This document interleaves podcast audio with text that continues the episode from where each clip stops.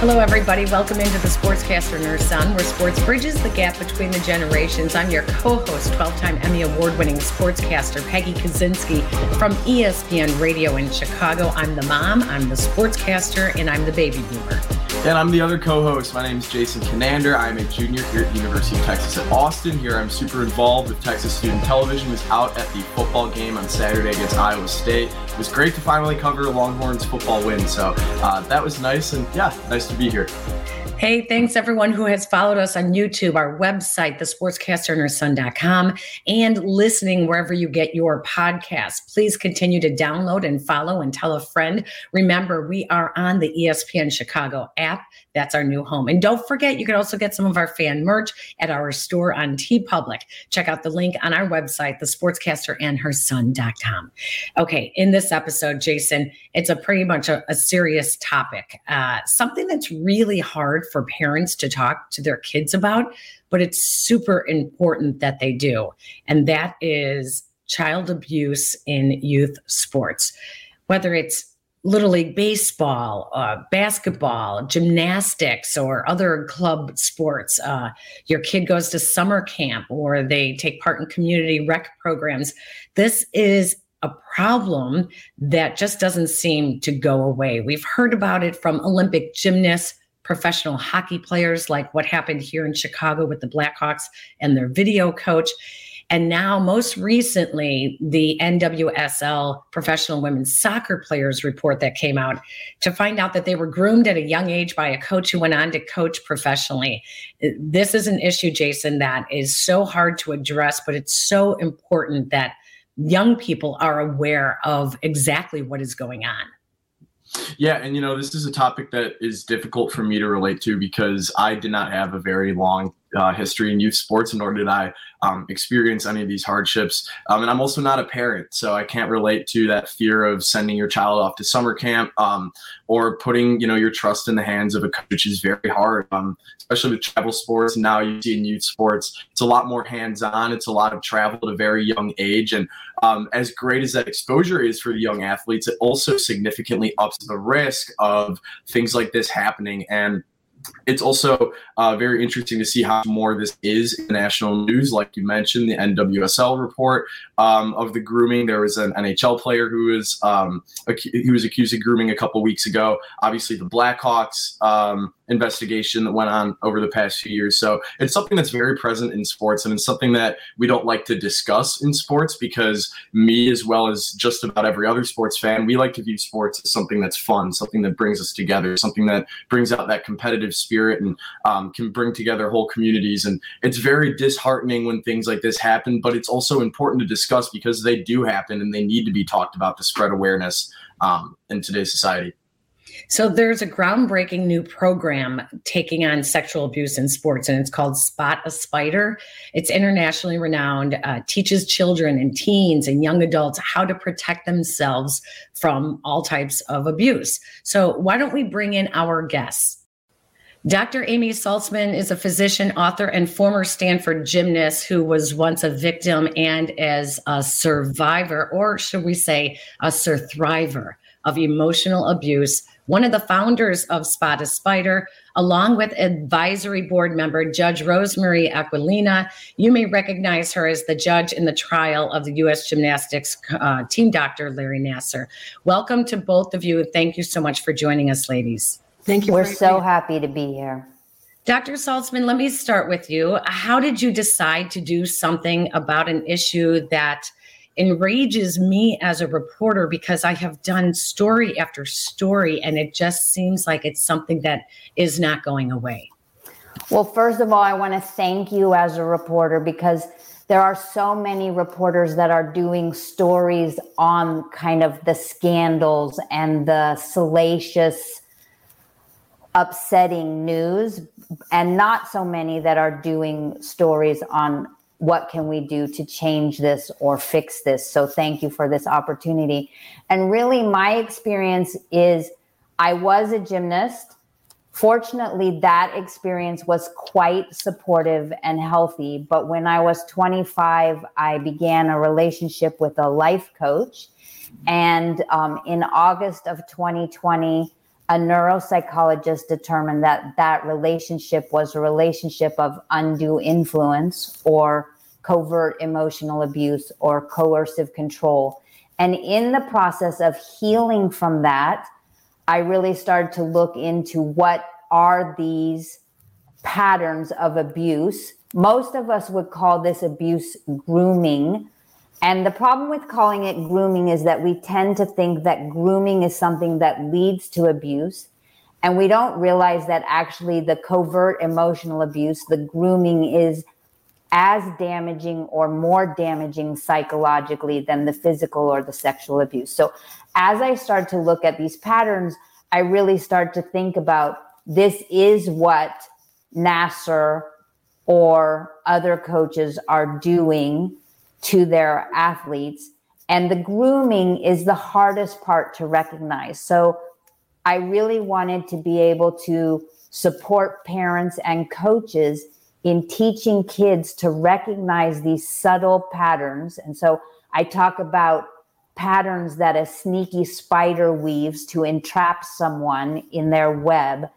And so that's really the origins of Spot a Spider. And I want to get into the specifics of it in a moment here. But uh, Judge Aquilina, um, I we saw you get very emotional at, at, the Larry Nassar trial. And in my introduction, I said, I get very emotional with this story. I was very emotional about when the Sally Yates report came out with NWSL a week ago because um, things can be prevented. And not enough people are listening when someone does speak up. Uh, I just am curious to how you got involved and why you wanted to do something more than sit on the bench and uh, sentence someone to 120 years in prison.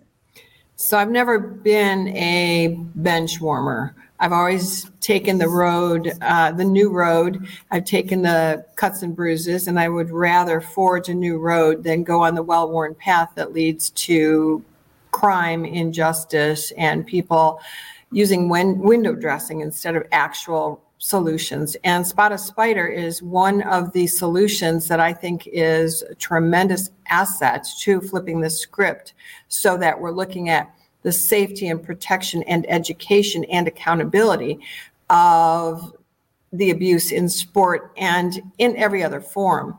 And you can't avoid abuse if you don't know how to recognize it, how to speak up, what grooming, gaslighting, love bombing, and ghosting are and so, that you as a parent have a right to go in anywhere the athlete is and ask the right questions.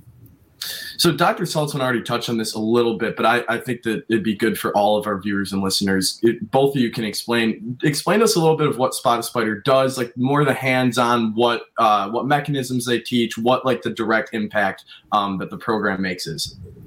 Right. So I know that Peggy, you had said that this is a hard topic to discuss. And so, really, the intention of Spot a Spider is to make a hard topic to discuss as easy, accessible, and straightforward as possible. So, the cornerstone of Spot a Spider is two videos. One, how to spot a sneaky spider, which is all about the grooming and the covert emotional abuse.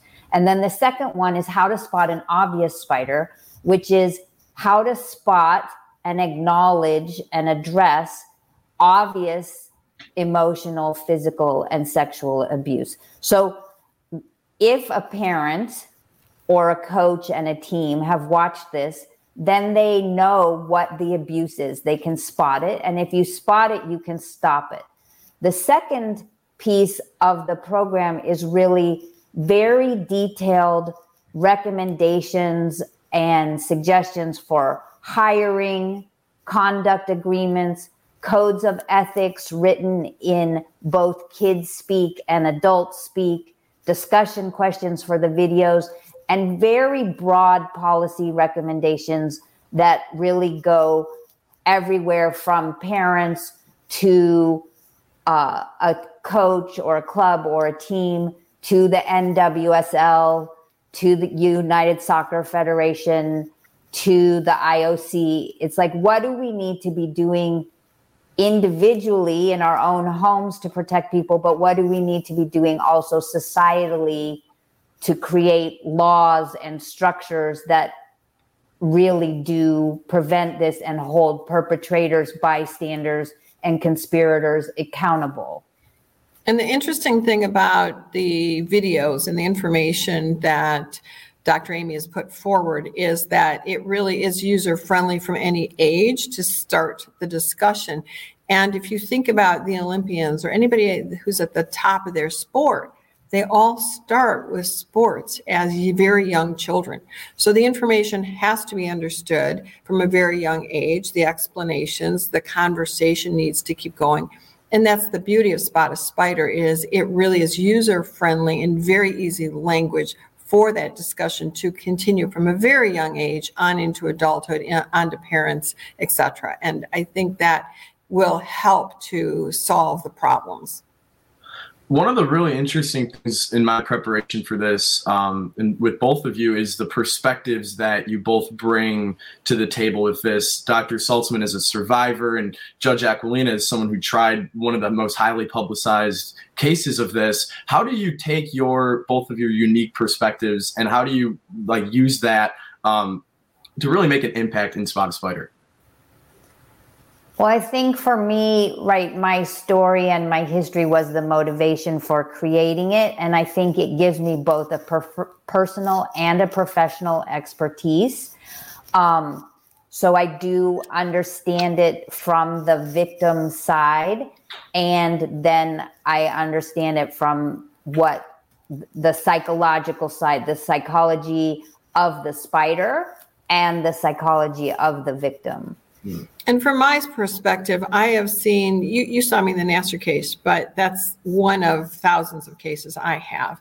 I see all ages, I see men, women, boys, and girls, and giving voice and an understanding of the underlying issues and how this occurred, and making sure that the victims are not blamed or shamed, that they have a safe place to speak out, that they understand what's happening, and that defendant also understands what they did was wrong and where everybody's coming from to look at the errors in the thinking and how do we get to a place where we can eradicate this is just really, really important. And I think this program, Spot a Spider, looks at both sides and addresses the issues that I see every single day in front of me on the bench. And I've been a judge now for 18 years.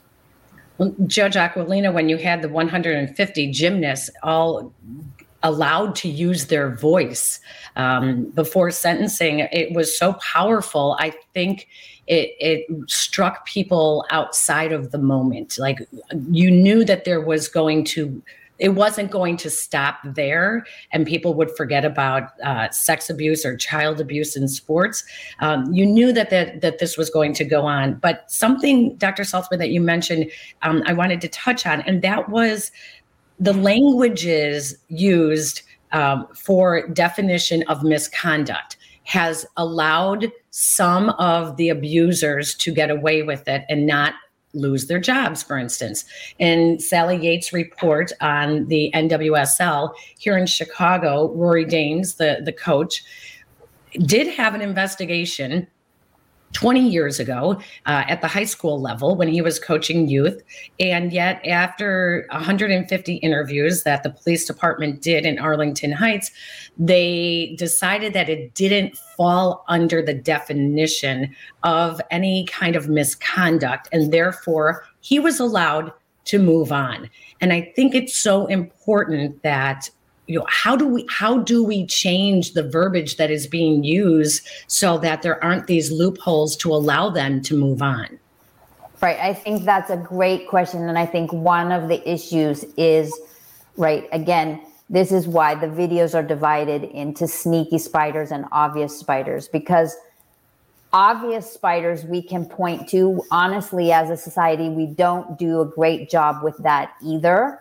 Um, we should never allow a coach or a theater director or a boss to do anything that we wouldn't allow a school teacher to do in a classroom. So we wouldn't allow school teachers to yell at students or throw things or pull someone by their shirt. Um, and all of those are obvious forms of abuse. The harder part is the subtle abuse of the sneaky spider, which is really demanding obedience and compliance and kind of eroding the person's sense of self, sense of value, sense of agency.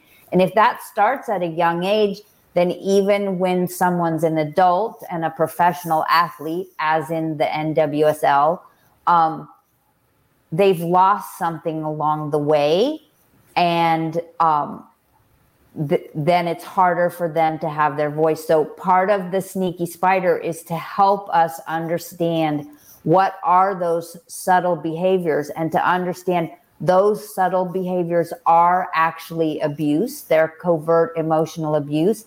And we need to be calling them out as such. We need to have club policies and local laws and national databases that are recognizing covert emotional abuse in the same way that we're recognizing physical and sexual abuse. But one of the biggest loopholes is just not understanding covert emotional abuse. And that kind of sets the stage for every other type of abuse. And I have to say, and I totally agree with that, but as we're getting into a voting cycle, people need to look at the legislators and that who want their vote and ask them, do you know about the sneaky spider, the covert actions? Do you know what is missing in the definition, the legal definition in the law of consent?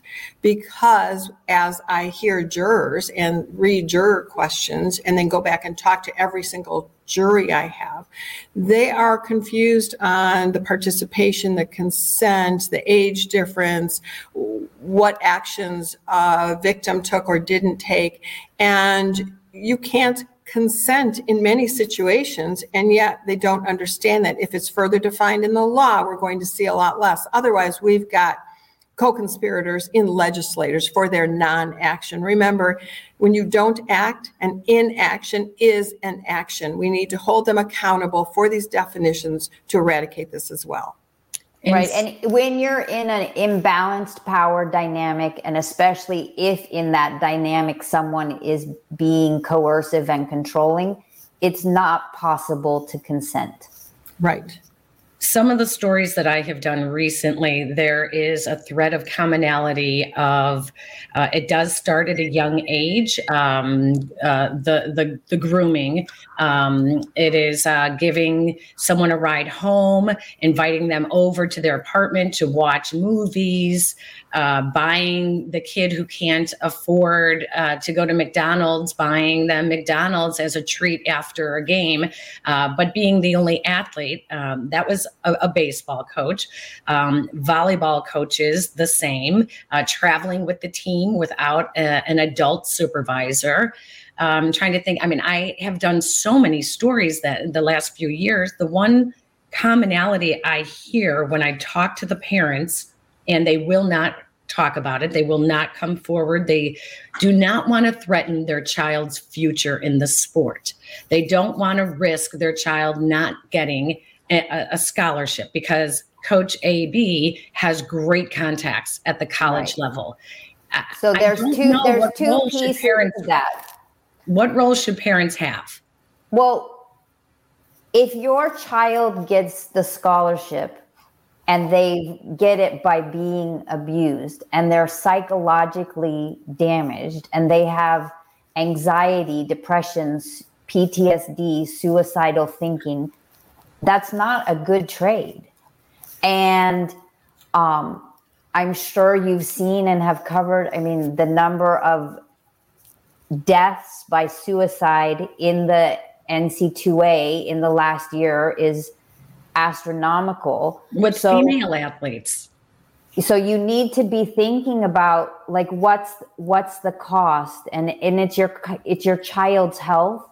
It's your child's well-being. It's your child's life that's that you're putting at stake for this scholarship. And then the other i'll digress for just a moment but the other argument is the percentage of kids who actually get d1 scholarships is infinitesimal. So to bet your child's well being on that, that's a risky bet.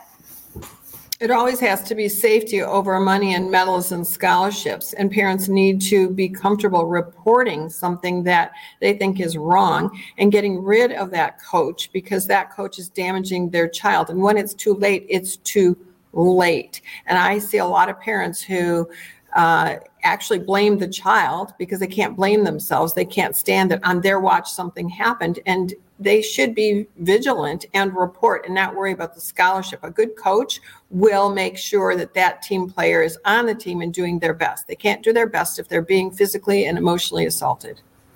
My mom just asked, what can parents do better? I want to ask for myself, from both of, of, your perspectives, what can members of the media do better? Because before we brought both of you on, I told my mom this is something where, you know, we view sports as, as this great thing that's entertaining and competitive and it brings us all together. And especially youth sports, we view as something that's that's nice and teaches kids um, skills that they take with them for the rest of their lives. But how can members of the media and the general public do a better job of spreading awareness and talking about things that we just don't want to talk about? Like this? Well, I, I think you are doing it. And I think the first thing is like believing, believing the victims, or at least giving them a chance to tell their story, being rigorous investigative journalists, not letting the systems and the enablers and the conspirators shut you down you know insisting on answers to questions if you look at the yates report the number of people who first of all tried not to participate in that report is shameful.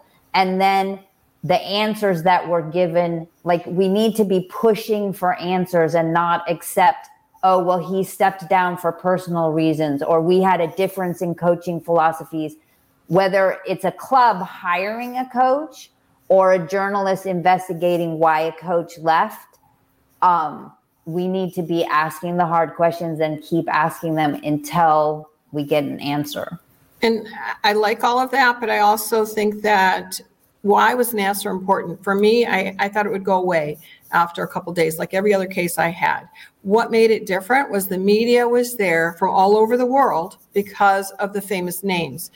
And they really carried the ball. There was very responsible journalism. But let me just tell you, with thousands of sexual assault cases from all ages and sports and walks of life, when is the media there? Rarely. In the legislature, the media is there every single time the legislature meets. The odds of someone talking to a legislator are very slim. The odds of you being in front of a judge and talking to a judge is very high. Ju- judges and the courts touch your life in many, many ways. Why is the media not there? Why are you not reporting? Because people don't believe this happens or that it could be happening to their family. And then every report that you do, talk about, well, here are the missteps. Here's how you report. Here's how you spot a spider. Here's some uh, resources, and make sure that there's this reporting piece, but also an educational piece to keep the conversation going. Why did it take Nassar and reporters from all over the world? And the only way to keep it going, get in the courtrooms and report.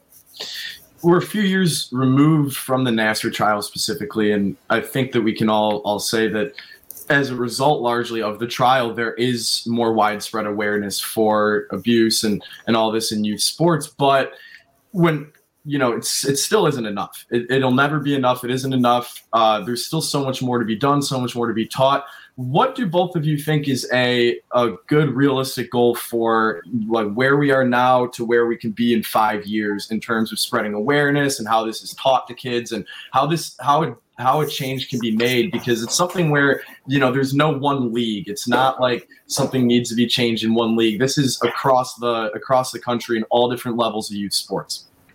Right. Well i think where we are now um, you know parents can take action today by watching spot a spider with their kids and that's easy and simple.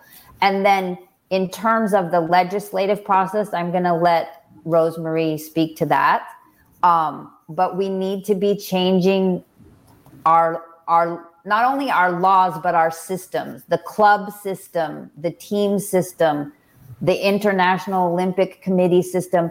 Those need to be reformed to address this issue. Yeah, I think there has to be a conversation. Spot a Spider is just such an excellent resource to get the conversation going. And then parents need to practice vagina, penis. These are body parts and they need to be used correctly. And it needs to be taught that every single time someone touches you wrong, that is a charge. That is, you tell someone, you talk until you're heard, you take action, and you demand change. And the legislature should write in there that prosecutors should, Uh, if the investigation shows that there's 10 viable counts, there should be 10 charges. If you look at the Nassar case, all right, Trinea Gonczar was assaulted about 849 times. How many charges were there? One. We're sending the wrong message.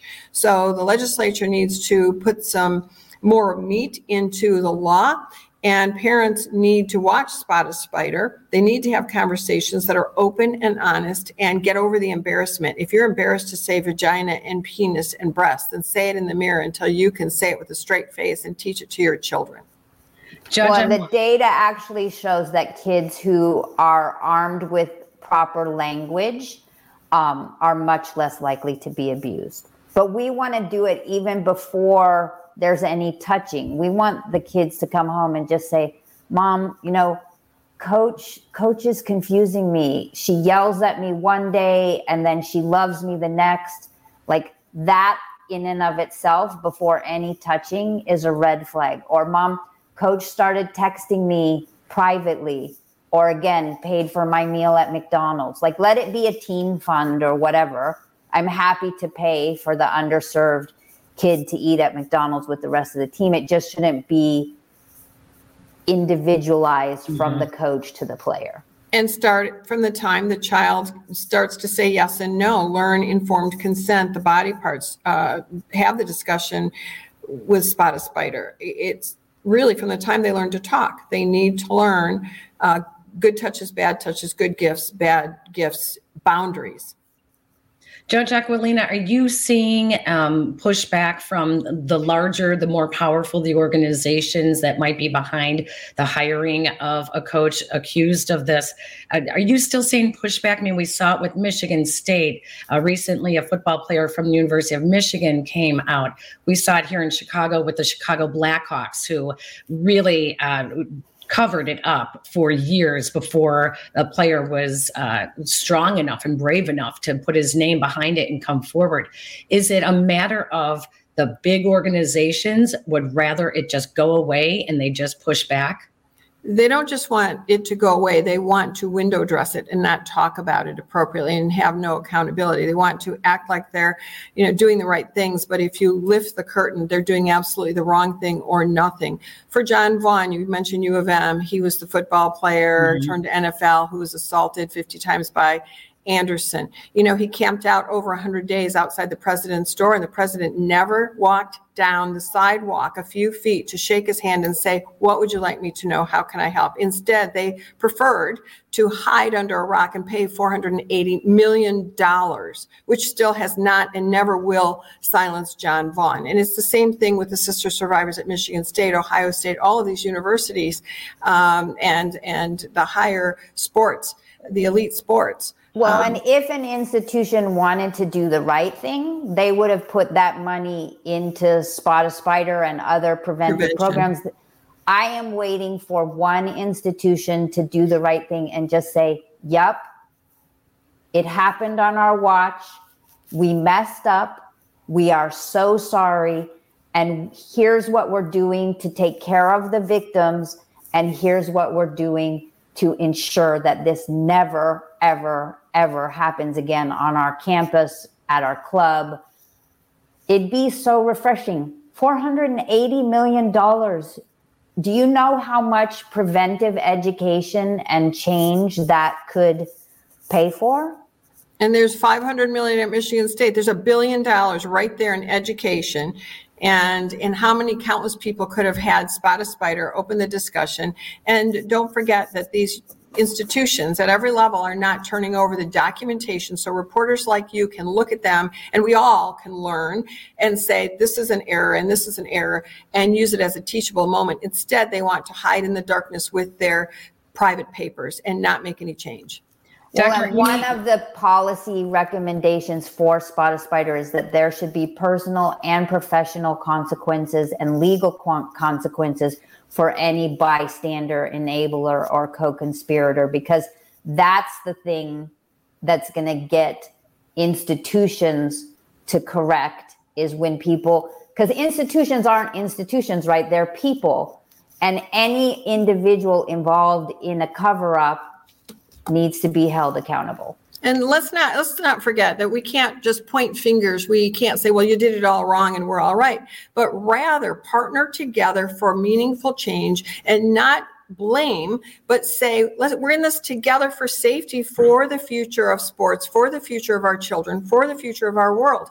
Why can't we partner together and work this out and, and stop pointing blame? Dr. Amy, how can individuals, families, clubs, and other organizations find out more about Spot a Spider? Super simple www.spotaspider.com. And it's available to everyone? To everyone. That's fantastic. We can't thank you enough for your time, Dr. Amy Saltzman and Judge Aquilina. Thank you so much for your important work on this topic. And hopefully, uh, we are not talking about this in such dire need in a year from now, but uh, it's a start for sure. Thank you. Thank, thank you. you both.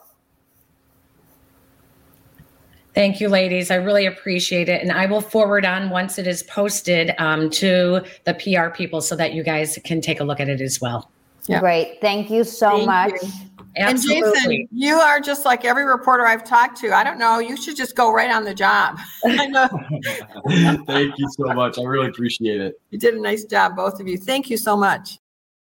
Well, some really important information to get from our guests. I want to thank them for taking the time to join us. And uh, don't forget, Spot a Spider is a program that is renowned uh, across the country, across the world. And it may be something that your children's athletic programs want to instill as well.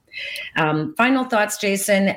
I don't think we should do any predictions after a topic like this. So the Absolutely. only thing that I would say is if you see something, say something. Don't just let an organization fire the coach or the person who may be abusing them, because then so often they go and do it to someone else. So, once again, our thanks to our guests. It was Dr. Amy Saltzman from Spot a Spider and also Judge Rosemarie Aquilina, the judge from the Larry Nassar case, who sits on the board of directors for uh, Spot a Spider as well.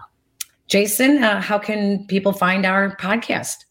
Anywhere you get your audio, you can find our podcast. So our primary home is the ESPN 1000 app. Download that app, scroll down, you can find our little square and listen to all of our shows in a convenient way. Other than that, we are really big on YouTube. If you want to watch the video options of our shows, we're always tweeting those out. In addition to that, we also have Spotify, SoundCloud, Apple Podcasts. Anywhere you get your audio, you can find our show. Like, rate, subscribe, retweet, anything that you do to push our show, it definitely helps. We see it and we appreciate it. Our thanks to Jake Cantu, our producer on the ESPN Chicago app. Thank you all for tuning in.